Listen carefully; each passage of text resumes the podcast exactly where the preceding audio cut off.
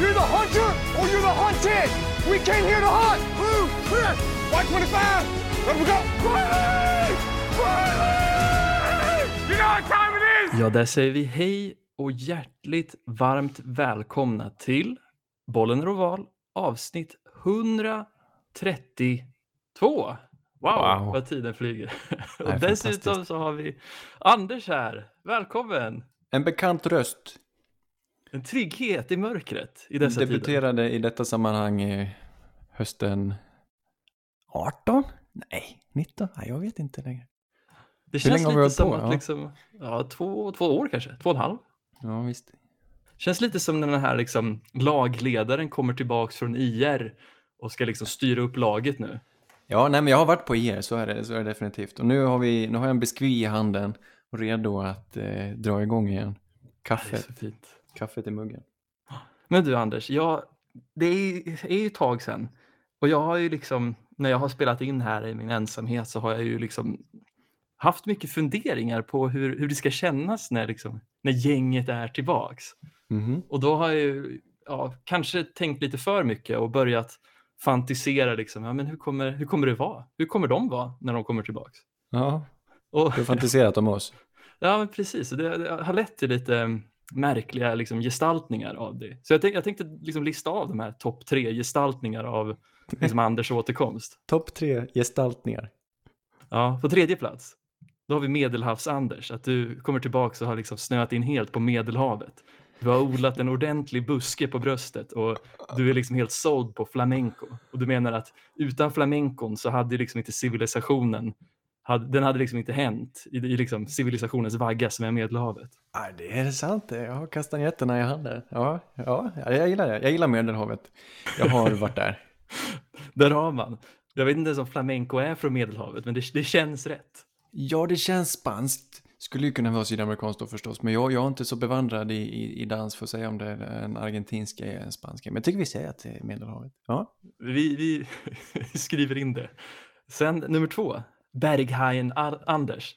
Det är Anders som klär sig i high fashion svart och som gillar att gå på liksom den här nattklubben i Berlin, den här otroligt exklusiva. Känner du till den? vad heter det? Det är en berlinsk eh, svartklubb. Där man, eh, den är känd för att man blir ofta nekad i dörren om man inte ser Jaha. tillräckligt cool ut. Ja, men där har jag ju varit. Ja, Där har jag blivit ne- nekad många gånger. Det, känns, det, det, det hade varit bra diskussioner. Det, mycket hade liksom mynnat ut i att du känt att det var liksom lite konformistiskt eller derivativt. Är det, är det ett möjligt eh, livsmål, liksom, komma in på ber, Berghajen? Be- Ja, Berghain, kanske. Jag har en vän till en vän som var väldigt stolt över att han kom in på Berghain. Varje Ja, fest brukade han nämna det.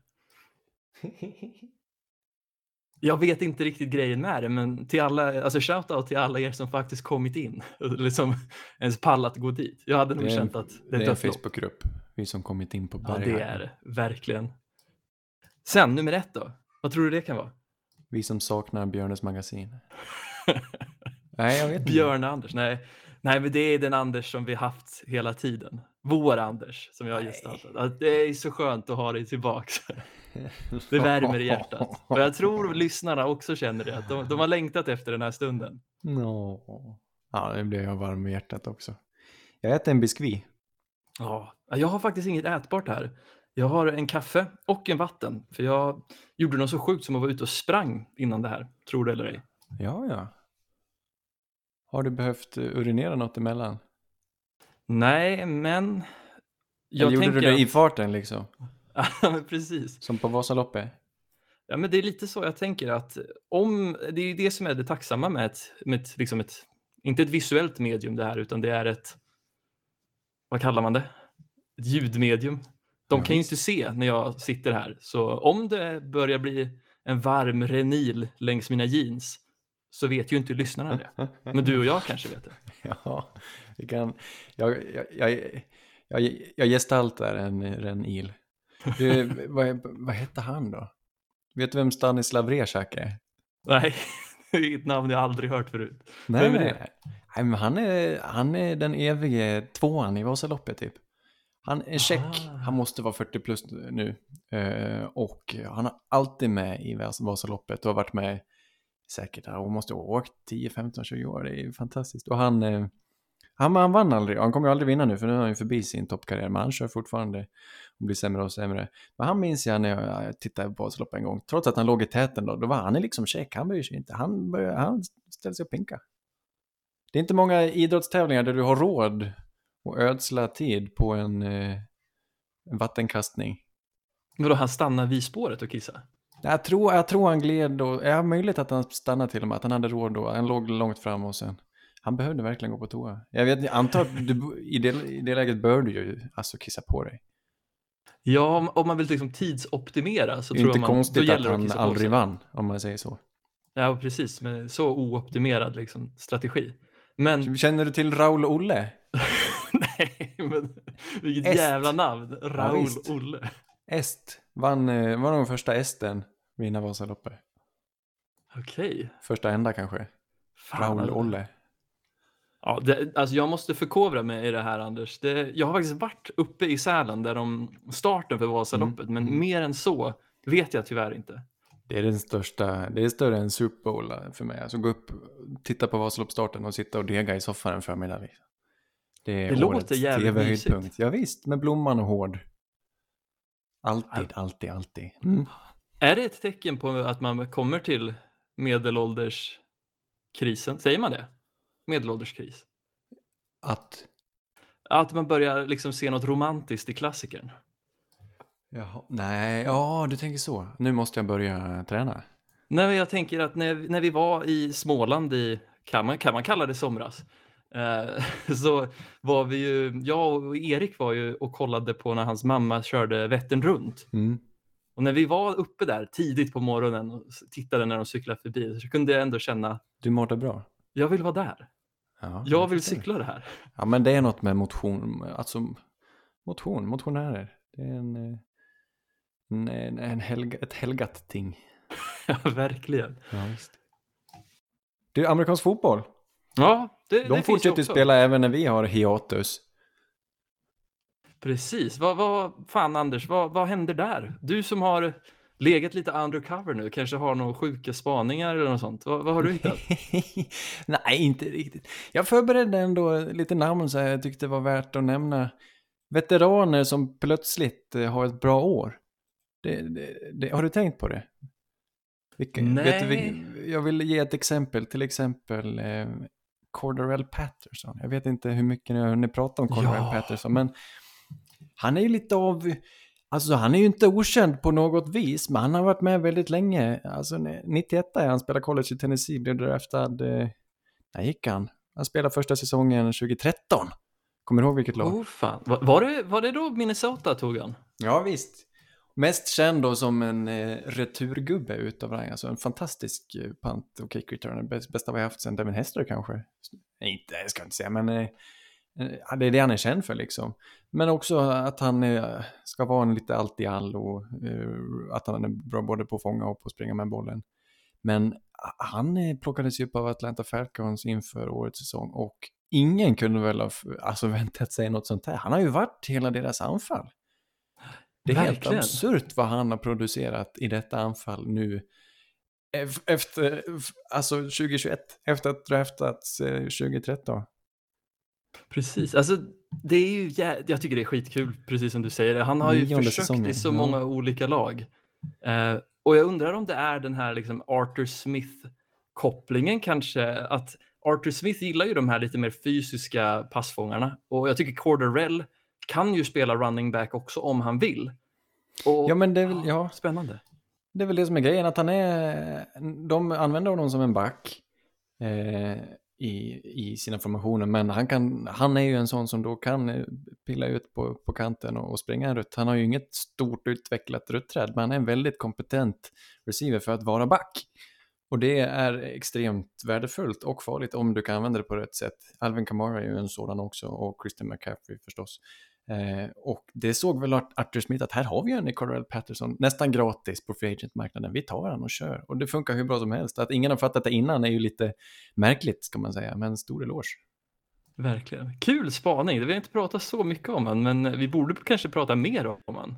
Ja. Eh, Men då, ja, Falcons lär väl kanske rycka upp sig lite. Det har ju inte gått Ja, skitbra nu, för dem.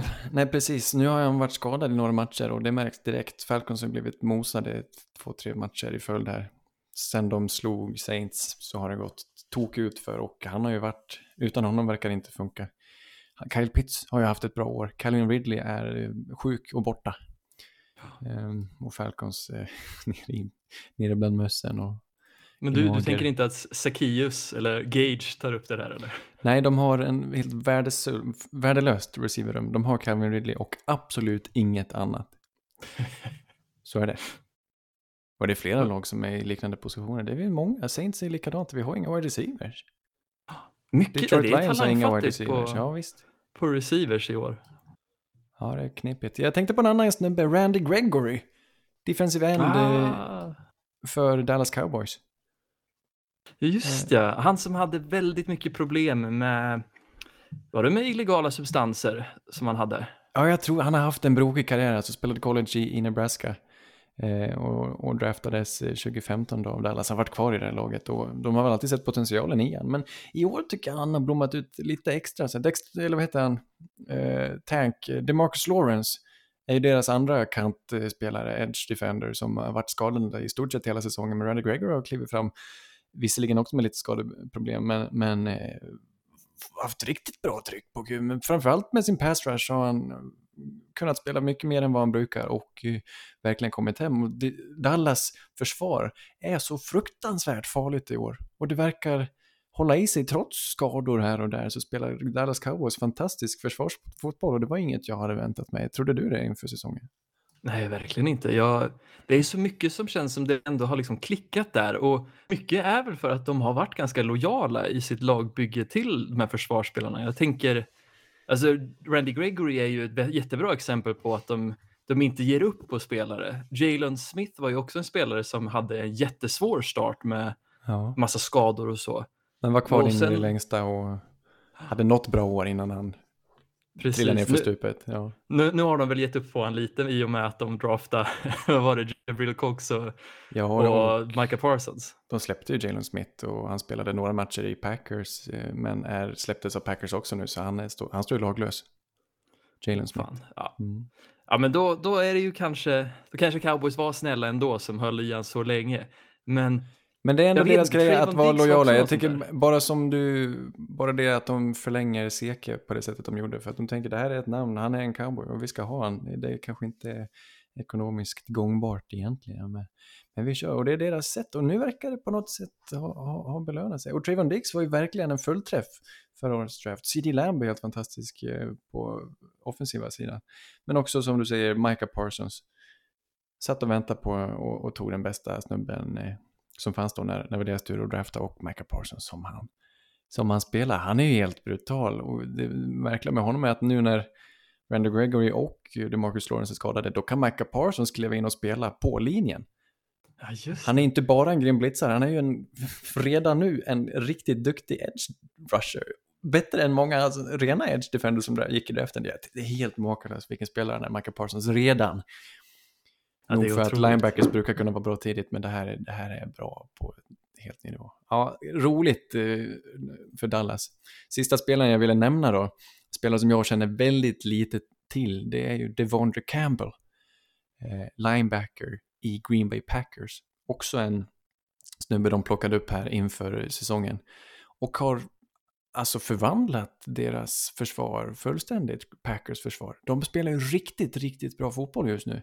Och mycket är tack vare den här Devondre Campbell som alltså spelade college för Minnesota, draftades av Falcons 2016 spelade i Falcons fyra år och sen var han ett år i Cardinals och vände men var aldrig riktigt glänst på det viset. Men nu i Packers så har han hittat rätt fullständigt och blommar ut i sjätte året på sin karriär. Jag tycker det är fint med de som blommar sent liksom. Eh, Klockren, en av de bästa linebackersarna som spelar just nu. Satan vad roligt att se. Packers försvar är ju lite av en liksom ostoppbar bäst i det formen av att liksom, de har mycket skador. Jag Mm. tror C är borta och en, en hel drös till. Jair, Jair, Jair Alexander är borta också. Jajamän. Men ändå så håller de en så pass hög nivå. Kul att Mm. se. De har ju också en ny koordinator. Jag kommer inte ihåg vad, de heter, vad han heter, men eh, också en, eh, en lärling till Fangio väl. Kom från någonstans. Oj, oj, oj. Jag minns inte vilket lag de haft honom från, men eh, det var ju tveksamt. Man tänkte efter första matchen när de blev totalt mosade av Saints att det här var kanske inget bra eh, hire, men eh, de har tagit det runt och det var ju en riktigt, riktigt fin anställning. Ja, kul för Devondre Campbell. Jag har inte så mycket på honom. Nej, inte jag heller. Det är en av de få namnen som jag faktiskt inte känner till. Jag har liksom Nej. hört någon gång, men kan inget mer än så. Vi får lära känna honom nu helt enkelt. Eh, Men jag tänkte lite generellt då med hur det ser ut. Dallas, min spaning är väl egentligen att det är väldigt jämnt i år och jag tycker det är fascinerande.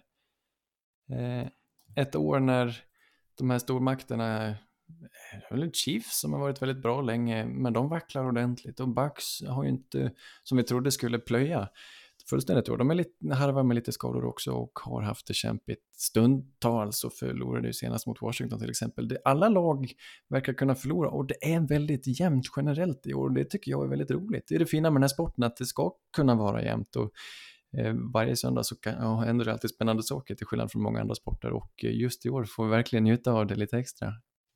Verkligen. Man trodde ju för några veckor sedan att ja, men, när det var en massa underdogs som vann att ja, men det här är en skrällvecka. Nu kommer vi komma tillbaka till det vanliga nästa vecka. Men sen har det hänt i stort sett två, tre veckor i rad tycker jag. Och det är ju precis som du säger, det är lite det här som belyser det fina i sporten, att man ska aldrig riktigt ta ut en vinst i förtid. Och det, Nej. ja, det håller det intressant även nu under liksom, liksom, när man har kommit ungefär halvvägs i säsongen och man känner liksom tugget. Men det är också här som det spelas väldigt viktig fotboll. Ja visst, och de som toppar just nu tycker jag på AFC-sidan måste jag nästan säga att starkast just nu är väl New England Patriots nästan. Eh, Mac Jones som bara mosar lag på lag. Nu har de ju inte mött jättestarkt motstånd vi får se ikväll när de slåss mot Bills då. Men jag tycker det är helt fantastiskt vad, vad jämnt det är och, och Patriots får väl ändå säga är starkast nu. Och på NFC-sidan undrar jag om inte Packers är bäst. Eller Cowboys kanske. Cardinals är ju där också. Jag, jag myser. Ja, absolut. Nu tror jag att vi kanske har fel här, för New England spelar väl i torsdags mot eh, Falcons? Ja, det gjorde de. Jag blandade ihop det. De möter Bills nästa vecka, så är det. Så kanske det Förlåt. just det. ja, det, var, det var en liten miss där. Nej, men precis, men de ser ju jättebra ut, New England. Eh, Jag vet inte riktigt vad det är som... Jag vet, är, är det bara att Bill Belichick är den han är? Jag tänkte ju liksom förra året att man skulle få se någonting i den här stilen, att försvaret skulle bli bättre och bättre och bli det som styr. Men de kanske inte riktigt kunde göra det med Cam, medan Mac är en mer formbar quarterback. Eller vad skulle du säga? Eh, delvis är det nog så att Mac är vad de behöver eh, och har en eh, fantastisk rookie-säsong. Delvis är det också så att de har fått tillbaka många spelare som, alltså många tog uppehåll förra året. Det var många som hoppade av tack vare covid och, och de balanserade lite, hade en väldigt svag trupp och i år så för, gjorde de lite förstärkningar, väl, pungade ut ordentligt i Free Agency men jag tänkte att det skulle inte ge så mycket vågor på vattnet och jag, sen vet jag inte om det är just deras free agents som har, som har lyft det här laget. Det, är- det är bara helheten och en fantastisk duktig coach och ett erfaret försvar med veteraner som varit med länge, Kyle Van Noy. Eh, alla de här som, vi vet ju Patriots försvar, vissa år så är de riktigt, riktigt bra. Just nu ser de nästan ostoppbara ut. De spelar brutal fotboll och det är, ja, det är roligt. Jag Det tycker det är riktigt kul. roligt. Oh.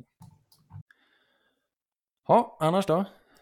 Ja, jag tänker vi kan titta lite på Colts mot Bills. Eh, spännande match som kommer nu, red, ja, nu på söndagen. Vi spelar ju faktiskt in på söndag ska jag säga, så man ska datera Ja, just det, ni avsnittet. som hör det här kommer ju ha sett alla matcher, så ni får, ni får skratta åt och sen så, men vi sitter här och äter biskvi och har det mysigt. Exakt. Men Colts åker till Buffalo Bills och möter dem. Ja, jättespännande match. Sportboken är lite, lite väl tung på Buff, Buffalo här. Ger Ja. dem sju poäng i, i, eller ger Colts sju poäng i handikapp. Ja, vad men du tror vad du det det? är? Jo, men det är för, alltså på, på pappret eh, två jämn, alltså jag ska inte säga jämnstarka lag, men Indiana är allt, Indianapolis är alltid svårt, eh, svåra att möta. Eh, de har ett kompetent lagbygge, men just nu är de trasiga, alltså på skadefronten.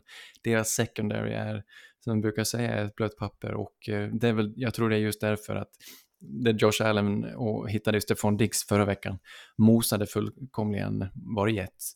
Ehm, och eh, Colts kommer att få svårt att, stå emot det tror jag. Sen är ju Buffalo å andra sidan traditionellt ganska dåliga på att försvara mot eh, springspelet och Indianapolis har just nu i, parallellt med Browns kanske det bästa springspelet. Jonathan Taylor är helt elektrisk. Wisconsin-backen är nu bakom den här eh, tuggande offensiva linjen. Så jag tycker det, alltså det kan bli riktigt spännande. Absolut inte sju poängs fördel till Buffalo. Jag skulle betta Colts om jag var du. Men eh, eh, ja, vem som vinner, det, det blir ändå Buffalo tror jag. Jag vet inte om de kommer dra ifrån, men India, de, nästan hela deras eh, alltså startfält på, i deras secondary är skadade och de är ju inte jättebra från början heller ska sägas. Nej, precis. Och jag tycker Buffalo är lite av en bluff det här året, för de har, de har jättebra statistik om man kollar liksom poängdifferential och liknande, men mycket är ju att de har mött lite sämre lag. De har haft ett väldigt enkelt schema ja, enligt mig. Men det är fortfarande ett bra lag, men deras anfall ser jag lite brister i. Och jag tycker det har varit lite väl mycket liksom magi som har behövts av Josh Allen, för han är ju otrolig. Men samtidigt behöver han ju mer hjälp ifrån liksom anfallet för att få någon sorts konsekvent anfall. Och det... Frågan är om det håller. Jag, jag tror ju att det kanske är ett, ja, kanske ett field goal mellan dem, kanske mindre. För mm. Just på grund av det du säger med Jonathan Taylor, för han har ju verkligen varit en fullträff för Indianapolis. Ja, ja, men, ja men precis, så jag skulle nog, om, vi, om man satsar pengar, satsa dem kanske på då, att täcka de här sju poängen, men jag tror ändå att Bills vinner.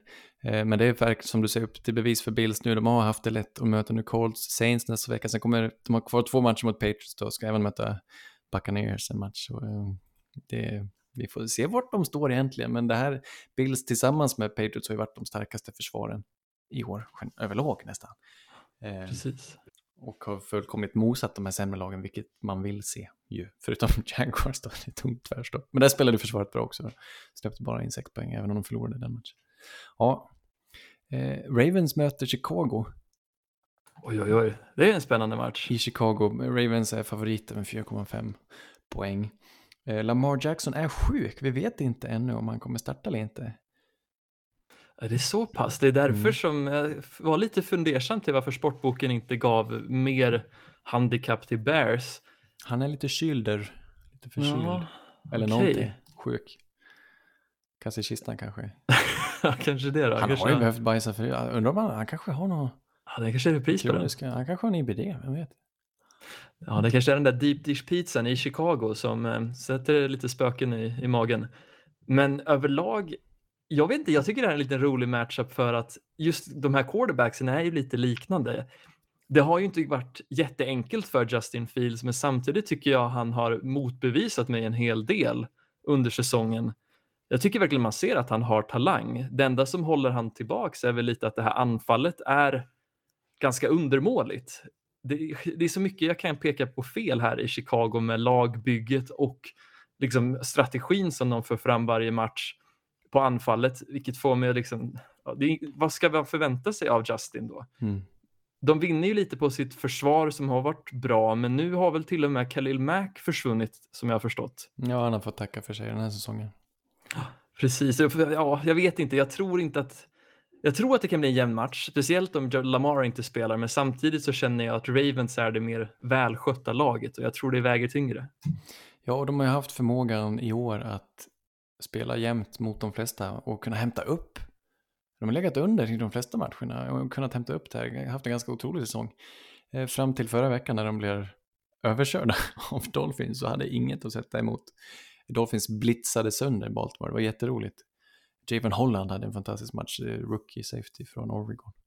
Eh, så de, de, är ju i, i, i, svajning och spelar inte Lamar då tror jag verkligen att det blir spännande. Eh, men å andra sidan har de också ganska väl coachat försvar och skulle nog kunna ställa till det för Justin Fields just för att han är en rookie och inte riktigt vet vad, han, vad som kommer mot honom. Jag tror också Baltimore vinner av det skälet.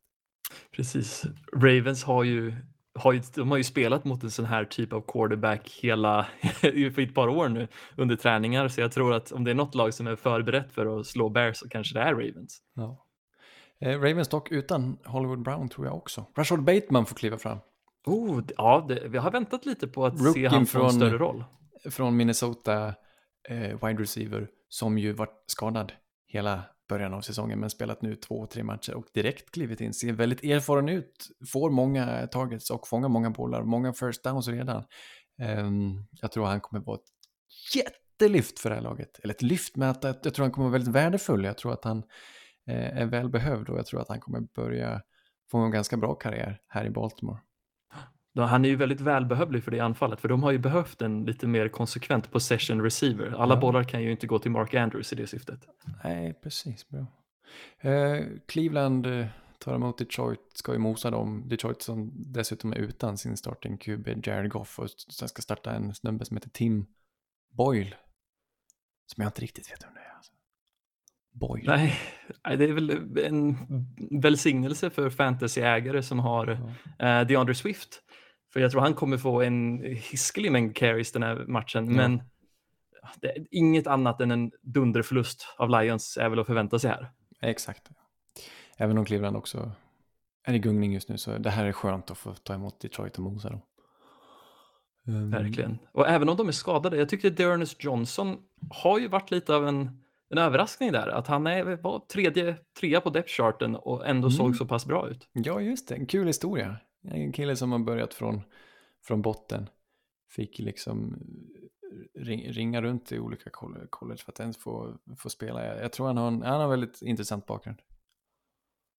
Ehm, Ja, häftigt, häftigt. Houston och till Tennessee jag kommer också bli mosade. Behöver kanske inte prata så mycket om den matchen. Men här du, Packers Vikings. Den är Oj, oj, ordentlig. oj. Packers med favoriter med bara med en poäng alltså. Minnesota som har sett ganska bra ut säsongen igenom men har lyckats. De har en tendens, de är liksom motsatsen mot Ravens. Ravens som har haft en tendens att vinna matcher som varit jämna så har Minnesota förlorat varenda jämn match. Förutom förra veckan mot Chargers. Minnesota är på väg upp och jag tror jag verkligen kan ställa till det för Packers. Jag tror det blir en jämn och kul tillställning. Kirk Cousins ehm, har spelat väldigt bra, väldigt, väldigt pricksäker. Fortfarande inte den som han som bjuder på det mest extraordinära spelet, inte vacker att titta på, men eh, Kirk Cousins har en bra eh, säsong. Aaron Rodgers har en tåskada, vad nu det kan eh, bidra med. Jag tror att det här blir riktigt kul. Jag, tror, jag hoppas att de bjuder upp till dans, men jag är också ganska tung i mina förväntningar på Packers för det här är ändå en vecka efter den här covid-returen för Aaron och jag tycker man har sett att de flesta lag som har spelat veckan efter, liksom som, har kom, de är, som är två veckor bort från den här covid-händelsen har sett så pass mycket bättre ut än vad de gjorde första veckan. Så jag tror att Packers kan gå iväg med ganska stor tidig ledning den här matchen och sen hålla den. Men ah, jag, jag, vill, jag vill ju att den ska bli jämn och jag vill ju att Minnesota ska börja visa för mig att de är det här bra laget som jag trodde. Jag tycker de har varit en jättestor besvikelse den här säsongen. Ja, jag tycker ändå att de har, de har överraskat mig med, med bättre spel än vad jag hade väntat och de har lyckats vara med i typ varenda match. Eh, sen har de något, det känns som att det är något mentalt nästan som får dem att förlora match på match på match. Men de ska kunna vinna, de har ju uppenbarligen ett bra, ett bra spel och Mike Zimmer, har han har varit lite bekymrad på något vis. Kom det inte ut någonting, jag undrar om, om jag hittar på det, men att hans dotter läckte något sms hon hade fått av sin farsa om att eh, han hade skrivit till sina barnbarn att det skulle vara kul att träffa dem för det är det enda roliga han gör nu för tiden. Han, var- han verkar Just lite ja, jo, jo, det, det hände. deppig nästan och eh, trött på, på laget. Men ja, jag, jag unnar dem lite framgång även om det inte är mitt favoritlag. Nej, precis. Men ja, vi får väl se. Jag, jag hade nästan velat se ett lag utan Mike Zimmer för att se om de kanske får någon nytändning. För jag tycker det här laget på en talangbasis borde vara mycket bättre. Eh, Dolphins Jets.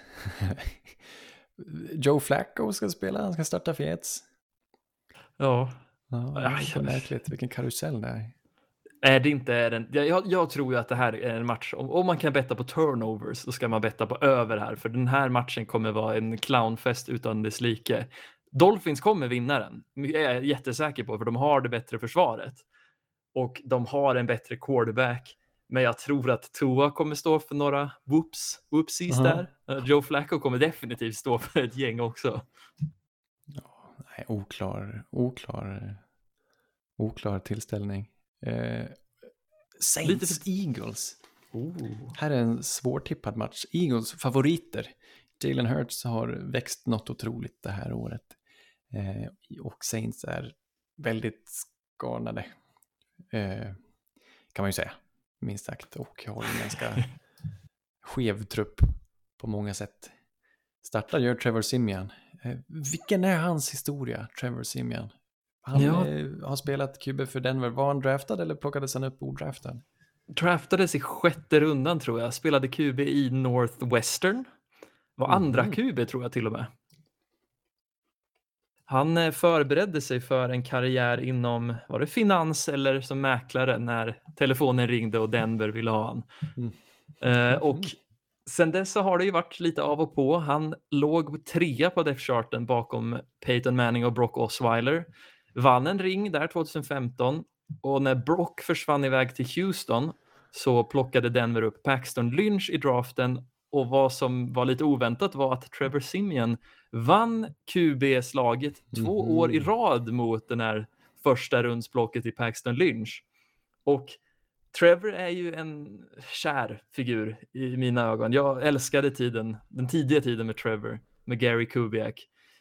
Men sen ja, mot slutet, Vance Joseph-tiden, så ja, tyvärr så gick det ju bara ut för. Jag vet inte, jag hoppas ju att Trevor kanske hittar, att han får göra någonting. Eh, jag tycker inte han har varit jättedålig i Saints. Han har ju inte varit ett så stort steg ner från James Winston, i min åsikt. Nej, han har... Jag vet inte, jag vet inte om det är Sean Payton som arbetar med mirakel här. Man ser, Trevor Simon har ju inte samma fysiska kapacitet, han har inte alls på långa vägar samma arm, han är mer, än, mer lik Drew Brees än eh, James Winston kanske. Eh, men han har absolut spelat hyggligt, jag tyckte han gjorde en jättebra insats förra veckan när de tyvärr förlorade mot Titans. Eh, jag, vad ska jag säga? På det spåret, det där Denver och QB, har ni någonsin draftat en bra QB? Nej, Det är svårt inte att tänka sig. Denver har haft John Elway och Peyton Manning, men ni draftar väl ingen av dem väl? Nej, precis. Sen, alltså, jag tycker typ John Elway är lite av en skämträff att dra, för jag, har rätt, jag är rätt säker på att John Elway vill, ville gå till Denver Mm. och det var mer att Ja, ett annat lag utvecklades. försökte ta han trots Absolut. att han sa att nej, jag, ska inte, jag vill inte gå till er. Men sista tiden liksom, Drew Lock, Paxton Lynch, Brock Osweiler, Trevor Simeon, Tim Tebow. Nej, det har ju inte varit ljust, det, det ska man Nej. säga. Dags, da- dags att testa. Är det så att de inte vågar längre? Är det därför de inte, var det därför de inte tog någon i år tror du? Nej, utan inte tvärtom så har väl, jag vill ändå hävda att Denver aldrig riktigt har chansat på att ta en quarterback, för om du tittar på de plocken så har ju Ja. väldigt få av dem varit speciellt tidigt. Men jag menar nu kanske man tänker en gång extra. Ja, kanske, men samtidigt så tycker jag att nu borde man vara ännu mer riskbenägen att vilja liksom sälja huset eller sälja farmen som man säger för att, Ja. för att köpa en quarterback tidigt i draften. För jag tycker, du? Alltså om du tittar tillbaka, om du, om du jag tillåter dig att vara efterklok. Jag vet när i, i april så var du glad, du ville inte plocka en QB. Eh, du ville ha Micah Parsons, det blev Patrick Surtain, men du tyckte det var okej att inte plocka en QB. Kan du nu när du ser hur Mac Jones spelar, hur, hur du ser Justin Fields spela, kan du ångra att ni inte tog en QB? nej, kanske Du vill inte ha lite. Mac Jones? Jag, jag vill ju ha dem, men problemet var att Denvers lag då, enligt mig, såg ut som att de skulle kunna tävla med ett, och vara med i slutspelet. Mm. Och man, alltså, jag kan ju ge hur mycket lovord som helst till Mac Jones och Justin Fields, men om man jämför deras spel mot Teddy Bridgewater och kanske Te- Drew Lock också. Nu har vi inte sett Drew, Mac men, spelar bättre än Teddy. Mac spelar bättre än båda. Mac ja, men Mac spelar också i ett mycket bättre system än Teddy. Och Fields tycker jag ändå är likvärdig till Teddy och de spelar i ett likvärdigt system. Ja, ja, jag tycker ja, att jag pekar väldigt mycket fel mot den här tränarstaben. Jag tycker de Mm. har i en, ett försök att rädda sina jobb tagit alla beslut fel som bara går. Ja, precis. Jag menar ju inte att, jag tror inte heller att Fields hade tagit er till ett slutspel.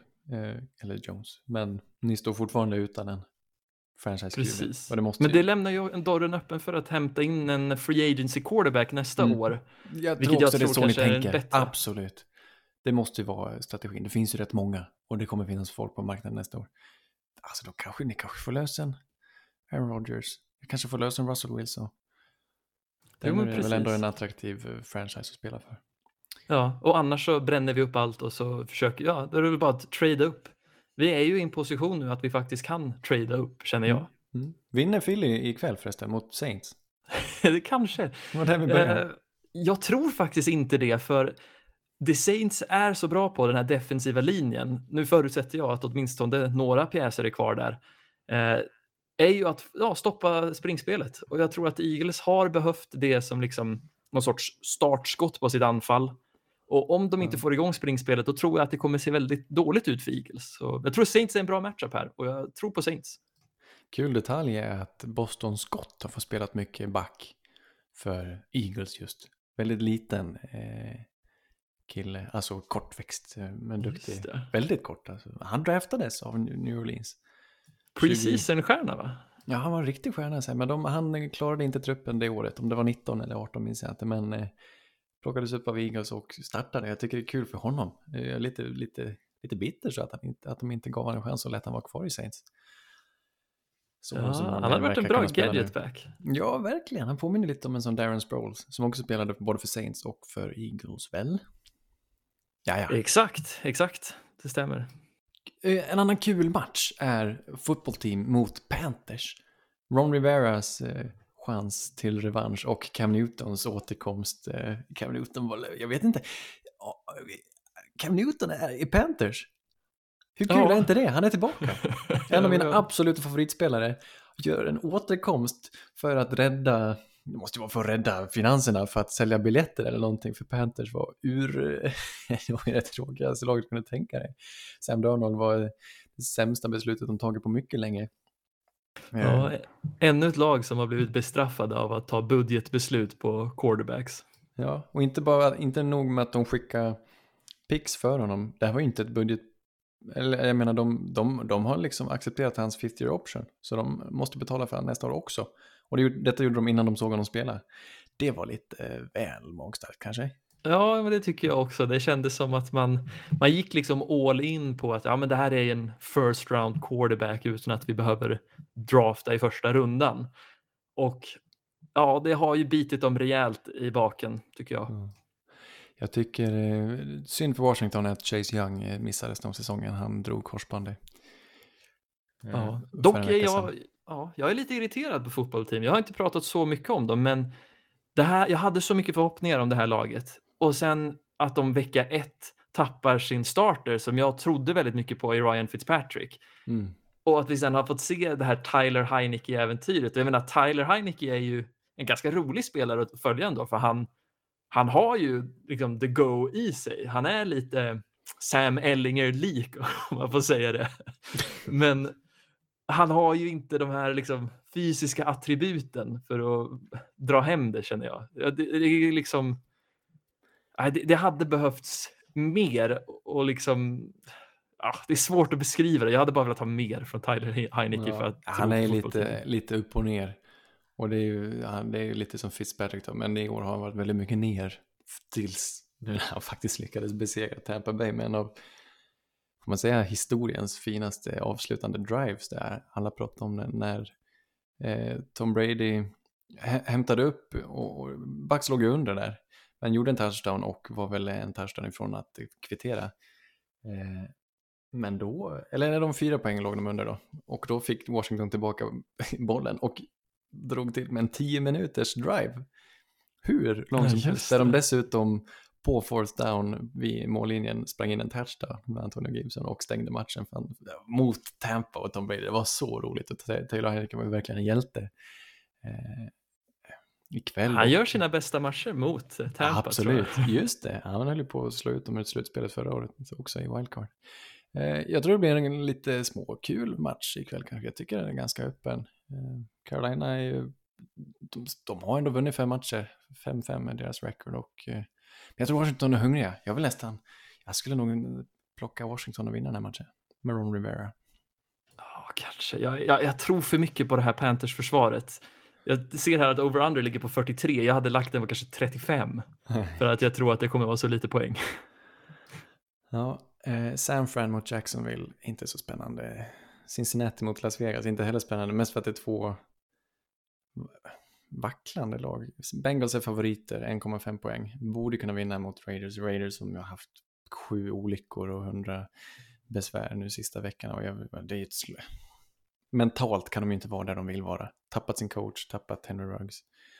Ehm, jag tror Bengals vinner här, även om de också var lite av ett luftslott kanske i början på, på säsongen och vann mer, fler matcher än vad de skulle göra. Jag tycker inte de är särskilt väl coachade. Jag tycker väldigt mycket om Joe Burrow eh, och han får, så länge han får spela sin fotboll, jag tror han är en bra ledare och kan eh, ta många bra, bra, beslut. Men jag tycker det känns ändå som att Zack Taylor håller dem tillbaka lite och det är ingen superbra trupp även om de är bättre i år. Jag tycker, ja, de ska åtminstone kunna slå Raiders.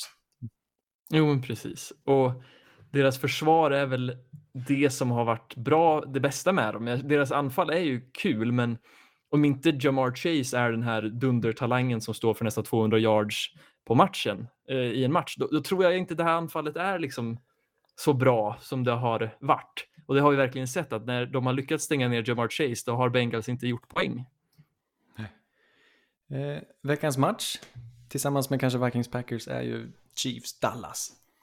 Eh, Chiefs tar emot Cowboys här. Eh, Chiefs mot Cowboys. Alltså det ska bli så otroligt roligt. Dak Prescott mot Patrick Mahomes. Patrick Mahomes som har haft en alltså, relativt urusel säsong mot vad han brukar ha. Eh, ingenting har fungerat. Det här laget inte heller var de, var de, där de bör vara mentalt medan Dallas ser urstarka ut. Dallas eh, dock underdogs mot Chiefs som eh, med hemmaplans fördel då är tippade att vinna med 2,5 poäng. Jag vet inte vad som kommer hända ikväll.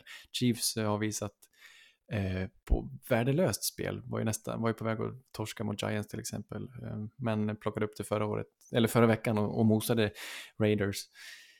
Men är de verkligen tillbaka? Vågar man säga det efter en match? Nu möter de Dallas, det är ett av de svåraste motstånden. Jag tycker Dallas borde vara stor favorit här. Jag vet inte vad jag ska göra med de här poängen. Nej, det är väl väldigt mycket, jag tycker Chiefs hela säsongen har fått väldigt mycket förtroende. Trots att de har liksom lämnat in ganska då, alltså halvbra matcher. Eller inte ens bra, rent mediokra matcher. För deras problem är turnovers och mot ett försvar som Dallas som inte är ett dunderbra försvar varje, liksom varje spel på plan, men som kan stå för väldigt värdefulla turnovers, åtminstone ett par stycken varje match, så tror jag att det är en jättedålig matchup för Chiefs anfall.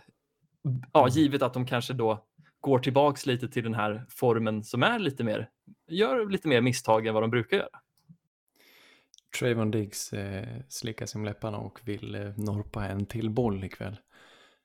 Eh, det hade varit roligt, men också, man vill ju också se Patrick Mahomes få tillbaka sitt självförtroende. Jag saknar, även om det är roligt när NFL är jämnt, så saknar jag eh, när Chiefs klickar, för det är bland det vackraste anfallsfotbollen som jag har sett någonsin. Utan jag eh, ja, ser fram emot den här matchen och hoppas att det kan bli jämnt åtminstone. Ja, jag med. Det blir nog eh, mycket offensiv fotboll. Så mycket kan jag lova. Cardinals eh, med en skadad Kyler Murray, frågetecken, mot Seahawks med en Russell Wilson som återhämtade sig ganska snabbt efter en tumskada, eller vad det var, en fingerskada. Eh, men inte alls såg bra ut. De blev ju nollade av Packers förra söndagen. Eh, och den här ja. ganska öppen. Seahawks är favoriter, så jag utgår från att Kyler Murray är skadad. Colt McCoy startar i Kyler Murrays ställe. Ja, var, var Russell verkligen helt frisk när han skulle tillbaka? Känns inte så va? Kom Men fram samtidigt... om att han hade rehabbat 19 timmar om dygnet ända sedan han fick sin skada. Så han var nog lite trött, jag skulle jag tro. Ja, verkligen. Alltså Russell Wilson, man, man får säga vad man vill om den mannen, men jag tycker han har lite så fake guru-aura. Att han, han skulle kunna kränga kurser där han liksom lär dig hur du blir rik på aktier oh ja. eller krypto. Det kommer han göra också. Ja, han är ju förmodligen. En handelsman, affärsman är han. Precis, och sen säljer han sin kurs där för 20 000 eller något sånt. Otroligt ja, ovärt absolut. när det bara är ett gäng powerpoints om liksom diversifiering. Men ja, ja, diversifiering i all ära. Här, jag hade nästan lagt ett bett på varje lag här, för jag, jag, jag har ingen aning om vad som kommer hända. Nej. Det känns som att Russell kan lägga sig helt platt. Cardinals å andra sidan tycker jag har det bättre lagbygget, men jag går typ runt lite varje dag och väntar på att den här Colt McCoy-upplevelsen ska gå åt helvete. Jag gjorde ju det förra veckan och ja. kommer säkert göra det i år, eller ja, den här veckan igen. Nej, men den... Eh. Har vi sett en parentes runt den här matchen? En punkt PPT. Ja, verkligen. Eh, Sen eh, nattamatchen är Steelers mot Chargers. Chargers, stor favoriter, 5,5 poäng. Men Ben ryktade som att han inte skulle starta, men Big Ben ska starta ikväll. Han har varit sjuk i covid. Mason Rudolph spelade lika mot Lions förra veckan, men nu tror jag Big Ben ska spela. Eh, Ja, det är väl vilket, tur. vad man än kan säga om honom så är det ett lyft jämfört med Mason Rudolph som spelade fruktansvärt dålig fotboll. Eh, men Chargers, Chargers som har varit kanske, med tanke på hur de öppnade säsongen så har det varit en av de, mina besvikelser. För de, de spelar inte upp till sin potential alls. De har ett bra lag, de har bra, co bra coach, bra headcoach framförallt i Medelstad. Men det här anfallet har varit tråkigt. Lite som Bengals, att eh, det, det hålls tillbaka på något vis och eh, Justin, eh, eller Herbert får inte riktigt leva ut. Han får inte bjuda på sig själv, han får inte ta risker, jag vet inte. Det känns som att de har satt kedjor på honom. Ja, verkligen. Jag undrar ju, eller jag är ganska säker på att vi kanske blev lite blinda kring den här framgången de hade med att, göra, att gå för det på fjärde down. Men det är ju inte ett så speciellt hållbart anfall. Det Jo. kanske var mer hållbart för typ Saints när de gjorde det, men Chargers är inte samma lag. Jo, Alltså, det har jag inget emot, alltså gå på första grejen, men den, det viktiga med den poängen är ju att vinsten är ju marginell. Alltså statistiskt så, så har de ju en, en poäng med det, men eh, alltså det är ju inte som att du helt plötsligt ska vinna varje match för att du gör fourth down. Och i början på säsongen så lyckades de nästan konstant med det. De hade flyt och, och sen när det inte har gått bra så har de också börjat förlora matcher och det är ju en statistisk alltså, poäng där eh, om du ska, hur, hur du ska spela fotboll. Jag tycker eh, de ska fortsätta vara aggressiva. Jag tycker de gör helt rätt i det och de får inte sluta nu bara för att det går knackigt. Kanske tänka lite mer på situationen i matchen, men de ska inte ändra liksom eh, utblick och hur de, eh, hur de, eh, hur de tar, tar sig an matchen, utan fortsätt vara aggressiv eh, och vara mer aggressiv offensivt. Alltså, jag, ty- jag tycker det är det som saknas. Jag tycker de har tänkt lite väl mycket. Och jag vet inte om... De har ju ny offensiv koordinator. Nytt av allt har de ju förstås. Men Joe Lombardi kommer från Saints. Ehm, var QB-coach kanske senast och har haft mycket med Sean Payton att göra och avgudar Sean Payton tror jag. Eh, och försöker väl göra en Sean Payton-anfall här i Chargers utan så mycket framgång. Jag tycker han ska anpassa sig mer till sin QB än eh, till Sean Payton. Ja, verkligen. Det känns lite Drew Brees-aktigt i hur de har designat spelen. Samtidigt känns det inte riktigt som att de har laget för att ha den här liksom aggressiva fourth down-spelningen. För jag, om jag tänker tillbaks på... Oh, det är klart de har, det är tvärtom. Ah, Fast jag vet inte. Jag tycker typ, om man tittar Herbert tillbaks till tidigare. Keenan Allen. De har ju det, men 100% tidigare i säsongen så är det liksom, de har spelat på ganska långa fourth downs. Eh, det som gjorde mig så kär i typ Saints anfall eller Baltimores var ju att de var så pass duktiga i springspelet och kunde alltid liksom ganska konsekvent nå situationer när det var fourth and short. Och det känns som Chargers inte riktigt har det anfallet. Det är lite mer liksom passtungt. Det Ja. kan funka, men jag, hade, jag vet inte. Jag har inte riktigt sett det funka än känner jag. Nej, jag, jag tror det funkar bättre när man tror på det. Jag Ja, förmodligen. jag tror att de kanske har tappat lite känslan till det. Eh, men nog vinner de över Steelers, eh, tänker jag. De Gör ska de det ha då? ett bättre anfall. Ja. Ja, jag vet, det kan i och för sig bli tufft. Spännande att se den här matchen. Jag tycker den är jämn. Lite kul match den här. Ja. Nåväl, sista vi ska prata om är måndagsmatchen. Giants åker till Tampa. Jag vet inte, jag- kan inte se Giants vinna här, eller? Det var i Jo. och för sig. Min bartender-kärlek. Jag, vet jag har inte berättat det Anders, men jag, jag har ju börjat bli kär i Giants på sista tiden och det är frustrerande i vissa Ja. fall, för det känns som att bli kär i liksom den här bartender-killen som kanske inte är en så reko kille, men jag ser ju, jag ser ju Daniel Jones, jag ser ju liksom Kadarius Tony och massa andra roliga grejer, men sen Ja. så är ju de här röda flaggorna i Jason Garrett, lite lite Joe Judge kanske också. Jag haussade ju upp dem eh, otroligt inför säsongen. Det var ju mitt, det var min stora underdog och Joe Judge skulle bli coach of the year och Barkley skulle ha en fantastisk säsong och Daniel Jones skulle lyfta sig något oerhört och de skulle gå till slutspel och det kan de ju fortfarande göra förstås. Men det, det, det är mycket kroppigare. Men de, alltså, jag, jag vill ändå se potentialen. Och som du säger, den största röda flaggan får ändå stavas Jason Garrett. Jag tycker Daniel Jones har haft, han har haft sin bästa säsong. Ja, jag tyckte du hade rätt. Han har ju varit jättebra i år. Ja, ja precis. Men de, har, de spelar inte så enhetligt och de spelar inte riktigt med det här självförtroendet heller. Va? Eh, men 11 poängs favoriter är backa ner, så det tänker jag inte ge dem, utan här skulle jag skulle jag ha satsat pengar skulle jag sätta på att Giants inte förlorar med 11 poäng. Nej, precis. Jag tror att det här är betydligt närmare. Eller jämnare. Ja, kanske.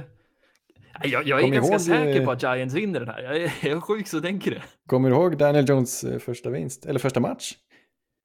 Ja, det var mot Buccaneers. Det ja. var mot Bucks, ja. ja han vann Bucks på att springa in en, den här touchdownen. Ja, och Bucks missade någon field goal så att eh, Giants vann. Det var en jätterolig match och det var Daniel Jones eh, liksom. Sen gick det bara utför. Ja, sen var det en jävla massa turnovers. Ja, men nu, nu, nu någonstans är han där igen. Han har äntligen hittat tillbaka formmässigt till eh, sin första rookie-start. Så nu kan det bli bra igen och så tar de emot Bucks. Eller de åker till Bucks, ja, men det, det här blir kul. Jag säger också det, ja. Giants vinner. Jag, jag säger fan också det. Vi kör. Bucks har så Vad är det värsta som kan hända? Ah, Giants vinner den här. Solklart. ja. Ja, det var, det, då, då, då ska vi, min biskvi är slut David. Ja, mitt kaffe här är ju uppdrucket också, men det, på något vis så kommer den här tiden alltid leva med mig, tror jag. på något vis. Ja, det var en fin timme. Verkligen. Och nu är vi ju ganska nära till att de här matcherna börjar, så ja, jag känner att vi kanske bara vi vinkar hej då här och så laddar vi upp för Just att det. titta lite fotboll. Titta på Scott Hanson. Du, sen är jag, jag är taggad på draften. Är den snart eller? Ja, det börjar väl närma sig. Fem månader. börjar rycka i fingrarna. Ja. ja. Nej men eh, kram på er, kram på dig som lyssnar. Det är just, just du som lyssnar. Jag älskar dig. Exakt, just du, du som lyssnar nu. Du är värdefull för oss, otroligt värdefull. Du vet väl om det? Och du är omtyckt och du är bra för den du är. Du behöver inte vara någon annan. Men med det sagt, ska vi, ska vi bara säga hej då då? Yes, puss och kram. Hej hej! Red Polly, Red Polly! Blue Poncho, Blue Poncho! You're the hunter or you're the hunted! We came here to hunt! Blue, clear! White 25! Let we go! Riley! Riley! You know what time